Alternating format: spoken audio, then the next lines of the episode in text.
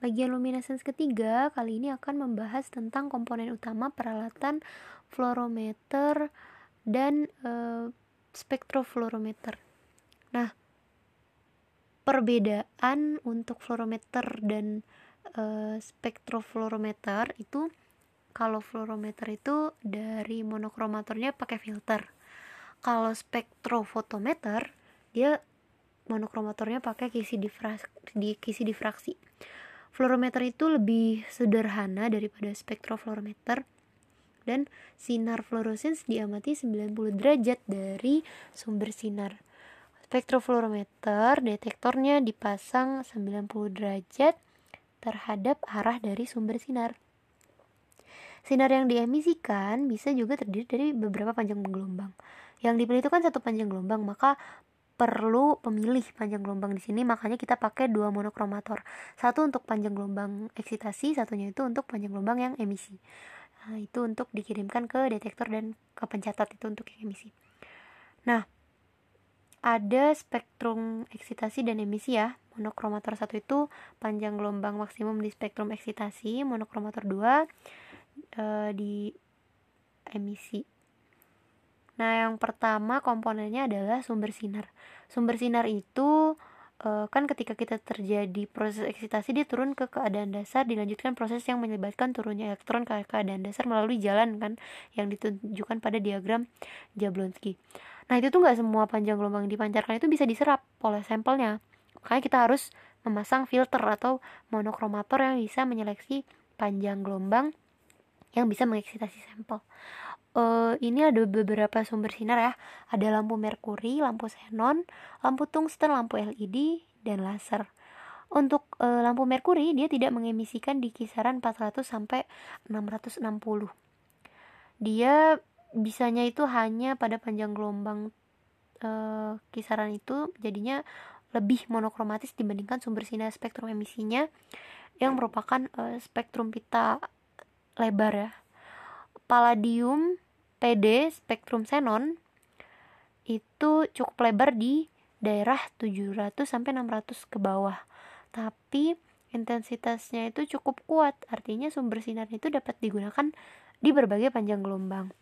Panjang gelombang nanti itu makanya harus dipilih lagi e, dengan monokromator. Nah, tadi merkuri kan garis spektrumnya di atas 350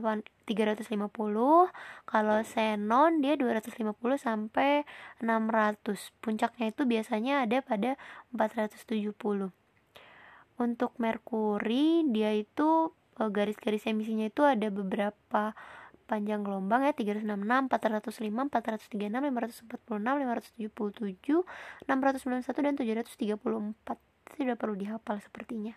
Kemudian lampu bertekanan rendah itu e, ada tambahan radiasi 254 e, eh, nanometer. Nah e, untuk merkuri kan kan kita tahu ya dia tekanan uapnya tinggi. Itu penyebab e, dia bisa menghasilkan garis emisi yang banyak. Itu adalah karena dia e, tekanan uapnya tinggi itu tadi kemudian ada uh, light emitting diode nah panjang gelombang itu kan lebar ya. Dia itu tergantung sama LED yang digunakan. Misalnya LED yang bekerja pada daerah UV dia kan warna kuning kehijauan. Panjang gelombang itu sekitar 555 sampai 575 kalau kuning itu 585 sampai 595 nanometer. Rentang sinarnya itu kan sempit ya dari sisi monokromatis atau tidaknya itu sebenarnya cukup sempit. Supaya terjadi fluoresensi yang baik makanya cahaya yang monokromatis itu e, perlu ya. Kalau misalnya kita udah punya cahaya yang monokromatis, dia kita tidak perlu lagi untuk menyeleksi panjang gelombang yang e, untuk tereksitasinya.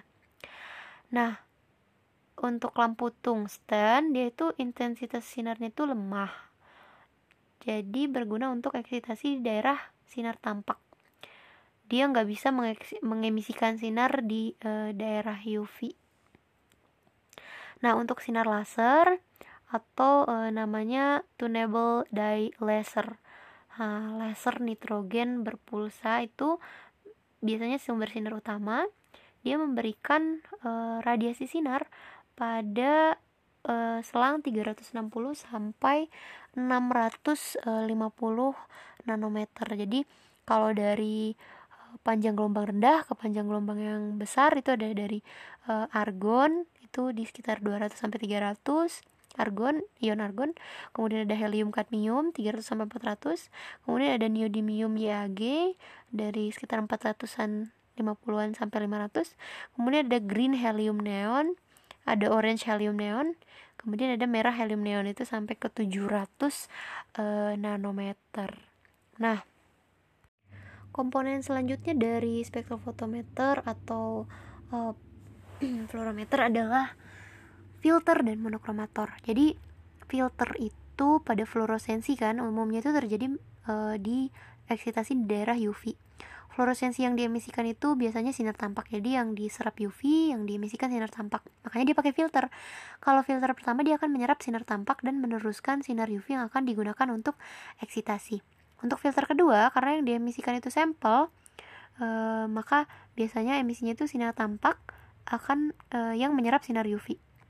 Nah, kalau monokromator dia itu e, menggunakan kisi difraksi. Nah, ini untuk spektrofotometer ya. Untuk proses eksitasi dia akan mengisolasi e, radiasi yang diserap oleh molekul. Nah, kalau emisi dia hanya mengisolasi radiasi yang diemisikan oleh molekul.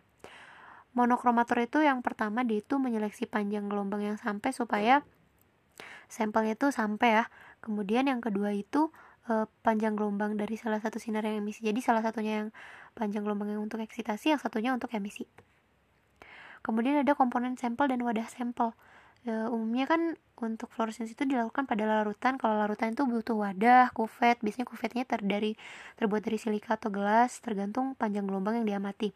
Untuk panjang jalan sinar 1 cm itu tebal kuvetnya itu beda di UV vis jadi dia hanya menghaluskan atau mempolish dua sisi kuvet tapi kalau di fluoresensi semua sisi wadah harus dihaluskan karena pengukuran akan dilakukan pada sudut 90 derajat untuk detektor itu detektor itu ada komponen fotomultiplier tube nah fotomultiplier tube ini gunanya untuk penggandaan fotoelektron oleh emisi sekunder dari radiasi yang digunakan itu fotokatoda dan barisan dinoda. Tiap katoda itu dipertahankan pada 75 sampai 100 volt lebih besar dibandingkan katoda sebelumnya. Jadi terjadi amplifikasi elektron. Jadi elektron itu menggandak uh, berganda jadi makin menggandakan elektronnya. Amplifikasi itu sampai 10 pangkat 6. Jadi jumlah elektronnya bisa sebanyak itu.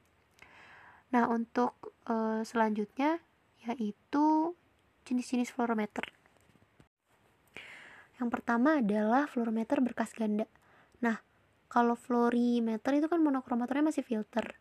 Bedanya yang tadi itu cuma satu berkas yang mulai dari sumber sinar sampai ke detektor.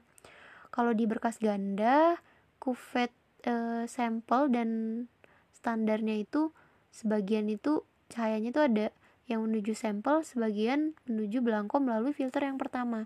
Sinar yang diemisikan itu baik berupa fluoresensi atau yang lain akan dikumpulkan melalui filter kedua yang akan menyeleksi panjang gelombang dari sinar fluoresensi dengan intensitas terbesar, kemudian masuk ke detektor dan direkam.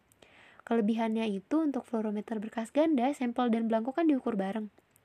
Tapi kekurangannya itu scanningnya itu e, tidak e, mungkin cepet gitu lama karena dia masih menggunakan filter jadi sama kayak berkas tunggal Nah, seperti yang tadi aku bilang ya, kalau spektrofluorometer kan pakai monokromator kisi difraksi ya untuk emisi dan untuk eksitasi. Ini prinsipnya itu sumber sinar melewati monokromator pertama. Nanti e, gratingnya tuh bisa diputar supaya monokromator pertama bisa menghasilkan spektrum eksitasi di panjang gelombang tertentu. Cahaya yang setelah lewat itu dia dibagi jadi dua.